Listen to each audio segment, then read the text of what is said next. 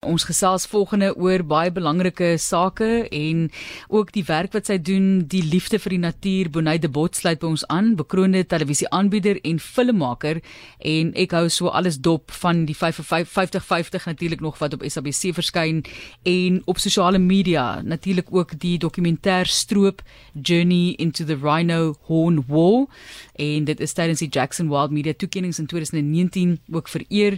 Ons verwelkom haar hier op die lyn. Baie dankie Bonnie. Baie dankie Martelies. Ek is nou ongelukkig nie daar by julle in die pragtige Kaap nie, maar hier in Johannesburg, maar heerlik om met julle te gesels. Ek hou so Twitter dop waar jy oral uh, gaan kuier en in ja. die in die natuur is. Onlangs was daar ook 'n spesies wat jy nog nooit van aangesig tot aangesig gesien het nie. Inspireer ja. ons bietjie met jou heerlike buitelewe. So ja, ek is baie bevoorreg soos jy nou sê Martelies om in uh, hierdie ongerepte wildernisse te besoek. Ehm um, en nou in hierdie nuwe reeks wat ek nou besig is mee bewonder en bewaar uh, nou tans uitgesaai word. Jy weet, reis ons na hierdie wildernisse toe van die noorde in die Namib-woestyn tot uh, die Kleurwiltuin hier in Suid-Afrika tot na hierdie absolute skouspelagtige canyons in Patagonië. Uh waar ek tyd spandeer saam met hierdie wildlewe navorsers het sy nou 'n veearts of 'n navorser of 'n wetenskaplike wat baanbreker werk doen vir ons wildlewe, vir ons uh, wildlewe en vir ons natuurlewe, uh, wilde plekke. So ja, en uh en om aan in aangestel tot aangesig te kom met hierdie ikoniese spesies soos 'n puma wat ek nou nog nooit gesien het in my lewe nie, nog net oor gedroom het.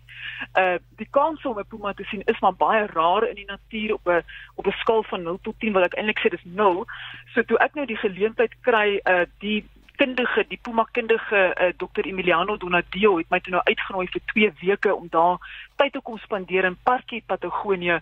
Uh hulle het stukke gestel vir navorsing. Natuurlik wil hulle nou nekbande aan die Puma sit uh, om hulle bewegings te hou want hy staan bekend as die spook van die Andes gebergte. So uh, en ek besef nou hoekom want hy smelt absoluut saam met daardie canyons met sy omgewing en uh, ja en toe het ek nou die geleentheid gehad om om dit te gaan vervilm vir hierdie nuwe reeks. So ja, net fantasties om uh, by hierdie plekke uit te kom en die kamera saam te vat en die kykers op hierdie avontuurreise te neem. Maar die Pumas kom toer daarom gereeld hier by ons. Dis al wat ek kan sê van die Pumas, maar Bonnie, ehm um, dis 'n wonderlike voorreg om ook, jy weet, toe jy sê ikoniese, toe dog ek jy verwys na Judy Bench, maar toe sê jy spesies, maar om ook met mense saam te werk wat toegewyd is, né? En as dit ware ja, ja. saamtrek aan daardie kar om mense meer bewus te maak van die ongelooflike aardbol waarop ons woon. Absoluut. En en dit, om vir my hierdie nuwe reeks waarmee ek nou besig is, dit gaan vir my oor ja, ons ons leer hierdie ikoniese diere deur hulle ook ken. So van woestynleeu's in die name woestyn tot olifante, wilde honde in die Kreeuswiltuin tot soos ek nou gesê die puma, eh uh, uh, die skiekkat in die Andes gebergte in Patagonië, ook die guanaco daar. Uh, ons leer meer oor hierdie diere ken, maar dit is vir my gaan dit oor die mens agter die dier. Um, 'n mens kan nie help om deur hulle passie aangesteek te word nie. Jy weet dis dis ons bewaringshelde en ek dink nie 'n mens kry eintlik hulle kry eintlik die erkenning uh, altyd wat hulle verdien nie. Uh so ja, ek in hierdie reeks sê ek ja, hulle werk met die klein en die groot gediertes, maar dit is baie meer as net 'n natuurlewe reeks. Ons leer die mens wees ken wat hierdie werk doen en in my gesprekke met hulle ehm uh, dit gee ons eintlik 'n dieper insig ook vir my tot die menslike gees. En dit lei nou weer na baie spesiale en en en intieme oomblikke met hierdie individue um, reg oor die die 13 episodes. Ja, is dit 'n uitdagende tipe omgewing waaraan jy werk? Is daar elke dag maar struikelblokke, moeilike te ter terrein, gevaarlike terrein waar jy beweeg? Want jy weet dit ja. lyk dit lyk baie romanties van die buitekant af. Oos, ja. kyk jy wonderlike werk wat uh, gedoen word daar. Hulle het ehm, 'n um, gratis vakansie. ja, ek dink baie mense sien dit as 'n vakansie, maar dit is alles behalwe 'n vakansie, Johan. Uh kyk, ons het as, as ek nou sê, ons het twee groot uitdagings gewoonlik en die een is jou bureaukratiese rompslomp. Ehm um, om by hierdie plekke te vervilm, dis nie altyd maklik nie om toestemming te kry nie vir al jou nasionale parke. Vir my is nasionale parke ons kroonjuwele. Dis die kroonjuwele van 'n land. Ek dink luisteraars sal saam met my stem, jy weet, wie's nie lief daarvoor om die Kreer Wildtuin te besoek nie, maar wonder ons nie soms ons sien pragtige wildlewe, maar wonder ons nie soms wat, wat is die navorsing wat besig is om daar te gebeur. So ek wil graag altyd in nasionale parke vervilm so die die papierwerk, die die toestemming, ek dink hulle kry natuurlik aansoeke van reg oor die wêreld, filmspanne van reg oor die wêreld om om hierdie tipe goed te verfilm op kamera vas te vang. So dis die eerste een. En dan sal ek sê die ander een verskil hemelsbreed en dit is die fisiese uitdagings. Uh ons span is gewoonlik baie klein. Dit is ek en my mede-vervaardiger Susan Scott en dan soms het ons 'n klankpersoon, maar as jy nou na 'n plek toe gaan soos Patagonië, kan jy nie 'n derde persoon saamvat nie, dan doen ek nou self die klank. En dan het ons ons toerusting wat ons moet dra. Um, nou 'n voorbeeld vir te noem, die 2 weke wat ons in in Patagonië spandeer het, uh die navorsers het vir my gesê kyk ons gaan in die nag moet gereed wees gereed wees want 'n puma is aktief in die nag. So ons kameras was gereed, die klanktoerusting was gereed, my rugsak was gepak met die kopliggies en alles. En uh nou ja, week 1 het gekom en niks gebeur nie. Week 2, tweede laaste dag is ons besig om 'n pragtige sonsopkoms te verfilm oor een van hierdie canyons en hy kom daar aangejaag en hy sê nee die, die pumas in, in is in een van hierdie struike wat hy het nou die alarm gekry wat aan sy foon toe gestuur is. Maar dis heel waarskynlik 'n vals alarm want 'n puma sou nie sommer in die dag in so strik trap nie. Maar ons moes toe nou vinnig uitbeweeg en dit was moeilike terrein. 'n uh, Terrein waar aan ons nie gewoond is nie letterlik van jy klim rotse op en jy klim rotse af. Dit het ons 2 ure gevat deur 'n canyon om by hierdie struik uit te kom. Maar dit was alles nie moeite werd want ons kom toe nou so om die draai en hier sit hierdie pragtige majestueuse dier vir ons en kyk, hierdie puma. Ehm uh, met hierdie tipe van uitdrukking van julle het nou hier opgedaag, julle het dit gemaak, gaan julle nou hier uit hierdie struik uit verwyder of wat. So ja, die fisiese die fisiese aspek daarvan is nie altyd maklik nie. Die skedelkus in Namibië uh stormagtige winde. Uh die een oggend was ons saam met die navorser MC Verwy wat bruin hyenas uh navors daar langs die skedelkus en uh dit was verskriklik koud en die wind het gewaai maar 'n mens dink nie daaroor nie dit gaan nie oor die die tol wat dit van my en my span eis nie jy wil net daardie 'n scenario op kamera vasvang die beeldmateriaal vasvang op die beste manier wat jy kan sodat dit so goed as moontlik lyk en natuurlik ook die klank. Uh, baie keer moet jy nou maar goed beplan om onderhoude te doen dat jy nie net die wind die wind hoor nie. Wat dryf jou nog Bonnie om hierdie tipe van werk te doen? 'n Mens praat van 'n passie en 'n liefde en ja. dan hoor 'n mens wat jy alles doen en onlangs ook gesien jy is soos wat Johan gesê het in gevaarlike plekke en ek praat nie van die diere wat gevaarlik nie is nie ons praat van die mense wat ja, gevaarlik ja. is wat jy aan blootgestel word. So ja. wat dryf jou nog om hierdie kansse te vat met jou lewe? Ja, vir, jy weet vir ons stroop, uh, dit was, jy weet, dis 'n ondersoekende film geweest. So ons wou in diepte gaan kyk na die renosterstrepingskrisis en saam met dit het jy jou risiko's. Uh maar dit wat aan ons blootgestel was tydens die vervulling van 4 jaar verskil hemelsbreed ook van wat die staatsaanklaers en die renosterwese rehabiliteerders en die en die ouens in die voorste linies ons veldwagters wat hulle lewe in gevaar stel letterlik elke dag om om hierdie diere vir ons te beskerm. So ja, ek dink ons almal wens dat ons die wêreld uh, waarin ons leef dalk in 'n beter toestand kan agterlaat en en ek dink dit dit klink dalk vergesoek om te sê jy wil jy wil die planeet red. Uh maar ek dink vir my gaan dit oor die moontlikheid om my passie en my liefde vir die natuur te vat en dit te deel en en hoop dat dit iewers 'n uh, uh, impak gaan maak. Jy weet sonder om in die oë van 'n renoster of 'n olie olifant te kyk deur daai stories wat ons vertel en daai beelde wat ons wys. Ek dink baie mense sal nie weet waarvan ons praat nie en en bloot net nie omgee nie.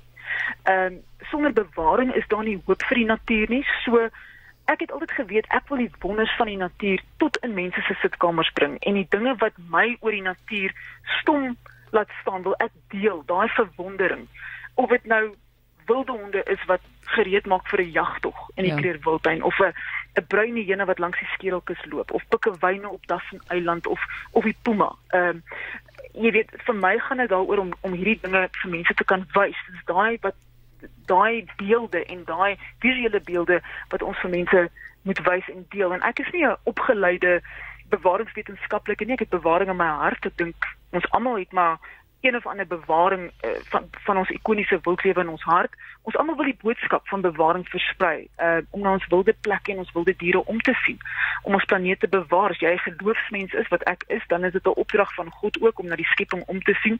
So vir my is dit net dis vir my ongelooflik belangrik as aanbieder as filmmaker en 'n voorreg om om die natuur se wonders uh, tot in tot binne mense se huise te neem.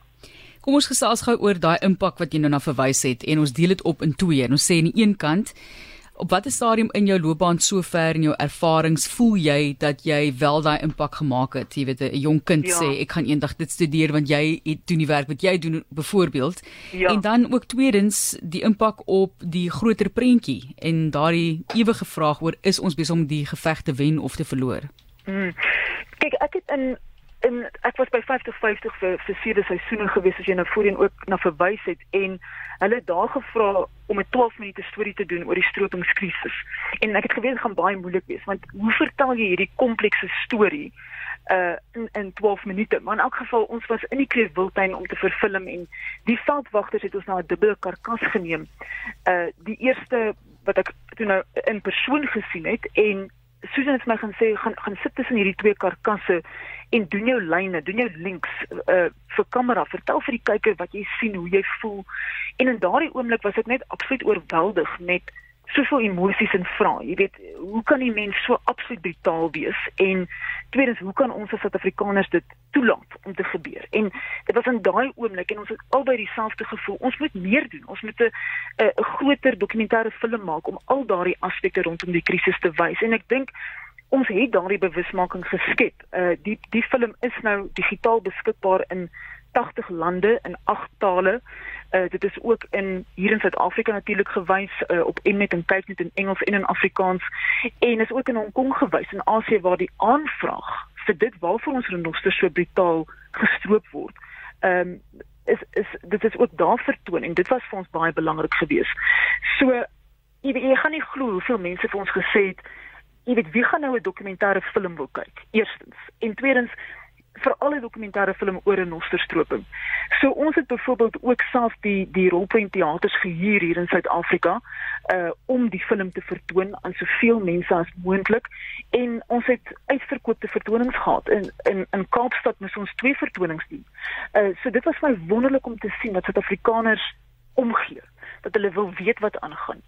En jy vra nou oor die groter prentjie, ek dink dis dis moeilik om positief te bly in hierdie wêreld waarin ons vandag leef. Daar's soveel negatiewe dinge in die wêreld, in ons land, in Suid-Afrika. Uh en ek dink dit is maklik om hoop te verloor. Uh korrupsie natuurlik oral in elke industrie het dit maar 'n plekkie gevind.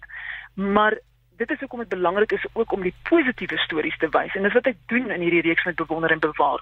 Ek spandeer uh, tyd saam met hierdie wonderlike individue met hulle ongelooflike deursettingsvermoë en sonder ander kan mense agteroor so die kykers vir 24 minute ontspan en net hierdie inspirerende en wonderlike TV kyk en dit vir my is die belangrikste want sonder hoop wat is daar Hm. Uh, Bonai, wanneer mense gaan kyk na akkolades en toekennings en die Oscar van van 'n uh, bewaring wat jy al gekry het. Jy weet met daardie ja. tipe van bekronings. Dit help ook tog om 'n mens op 'n wêreldkaart te plaas in terme van wat ons ja. in Suid-Afrika beleef en waartoe ons in staat is. So jy moet geweldig trots wees soos ons mede-Suid-Afrikaners daarop. Ja, Johan, baie dankie. Jy weet ek dink uh, daai toekennings, dis nie iets waarna mense dink nie, veral nie wanneer jy 'n legkaart besig is om 'n legkaart aan mekaar te sit soos die film Stroop nie. Ehm uh, maar verseker ek dink Stroop het vir ons uh ons het geweet ons moet internasionaal ons moet die film eers internasionaal vertoon op die filmfeeste om bietjie aandag op die film te kry voor ons dit Suid-Afrika toe bring want dan gaan mense reg op sit en kyk. Ehm um, en hulle gaan belangstel. Maar ja, Stroop het vir ons baie deure oopgemaak. Ons ons het nou ook die geleentheid gekry om 'n volgende film te doen wat uh, Kingdoms is, Kingdoms van vier ys en vier verhale, 'n uh, avontuurreis na drie besonderse wildernisse op die planeet. En ook nou besig met ons tweede een van Kingdoms, 'n opvolg uh wat Kingdoms van duine, gletsers en dan die uh befaamde ridders van die ronde tafel is. En en hierdie gaan oor landskappe wat hemelsbreed van mekaar verskil. Uh maar dit is dis 'n indrukwekkende skoonheid wat wat hulle met mekaar verbind. So van die wêreld se grootste en oudste duine in Afrika tot die epiese ysvelde waar ons gaan loop het op die gletsers, die Perito Moreno gletser in Patagonië, uh, bekend as die wêreld se agste wonder. Ehm um, dit het ongelooflik gewees en dan nou uh, in Oktober gaan ons Wallis toe om die laaste deel van daai film uh, klaar te maak in Snowdonia Nasionale Park uh, waar mense Camelot kan voel die die ridders van die ronde tafel en hierdie van leie die mites hang eintlik maar oor die landskappe daar en die ikoniese diere So ja, dit het dit het vir ons werklik deure oopgemaak. So die 4 jaar wat ons spandeer het om om stroop te maak, die feit dat ons dit onafhanklik moes doen sonder sensuur en enige verskuilde agendas, agendas, ons moes dit man die die moeilike roete neem. Ehm um, het het definitief gehelp nou om om hierdie ander plekke vir mense te kan wys. Het dit nou 'n ondersoekende film is of of meer dalk 'n positiewe kykie in die skoonheid vir die natuur vir mense te bring. Dis Bonay, die bot met wie ons gesels. Bonay, ek wil net dan net sê daardie loopbaan hoogtepunt toekenning was saam met Judy Dench as beste aanbieder vir stroop Journey into the Rhino Horn War en dit was tydens die Jackson Wild Media toekennings in 2019 wat bekend staan as die Oscars van natuurlewe. Ons sê vir baie dankie vir die werk wat julle doen Bonay en dat daai passie nooit sal vervaag nie. Ons uh, hou maar duime van ons kant af, jy weet, daar waar ons kan bydra en bewusmaking skep, is ons daar verder kan ons maar net sit en kyk hoe mense soos julle en die wetenskaplikes hulle werk doen om vir ons te help en natuurlik ook dink mense aan die mense wat hierdie skirke moet vastrek. Baie baie dankie ja. Bonay de Bot wat met ons gesels het, bekroonde televisieaanbieder en filmmaker. So gaan kyk gerus, sy is op Twitter. Ek gaan kyk heeltyd wat sy daar alles aanvang en interessante verhale. Baie dankie weer eens Bonay. Baie dankie Matthys en Johan, waardeer dit.